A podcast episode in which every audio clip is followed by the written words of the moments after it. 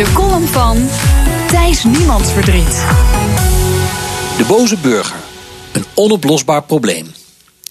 De ontevreden kiezers zijn overal. Ook nu de verkiezingscampagne is afgelopen. Aan tafel bij de formatie zijn ze een belangrijk onderwerp van gesprek.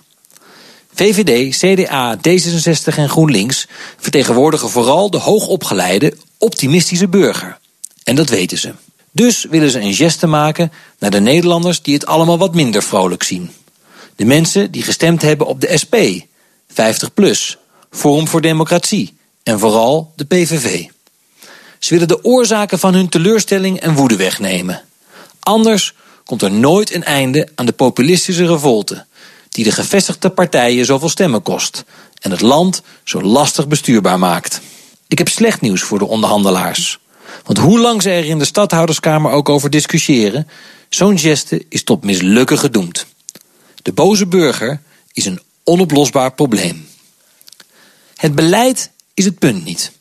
Je kunt heel wat bedenken waar de kiezers in Zuid-Limburg, Oost-Groningen of Rijnmond gelukkiger van worden. Je kunt iets doen aan de kwetsbare positie van ZZP'ers, bijvoorbeeld door een collectief vangnet bij ziekte.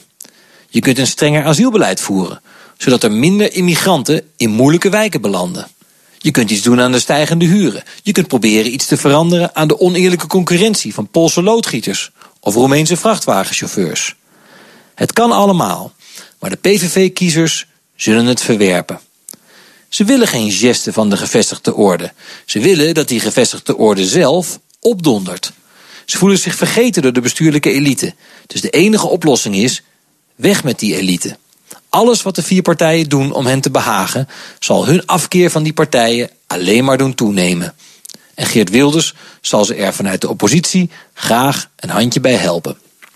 Zelfs als de vier partijen het halve programma van de PVV zouden overnemen, dus grenzen dicht, AOW weer naar 65, weg met het eigen risico in de zorg, dan nog zouden Wilders zijn kiezers het niets vinden.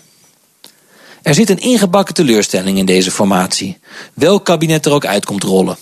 Doen de partijen niets voor de boze burger, dan zijn ze wereldvreemd en elitair. Doen ze wel wat, dan zijn ze opportunistisch en betuttelend. Beste onderhandelaars, veel succes ermee. En dat is Thijs Niemands Verdriet, columnist en NRC-redacteur.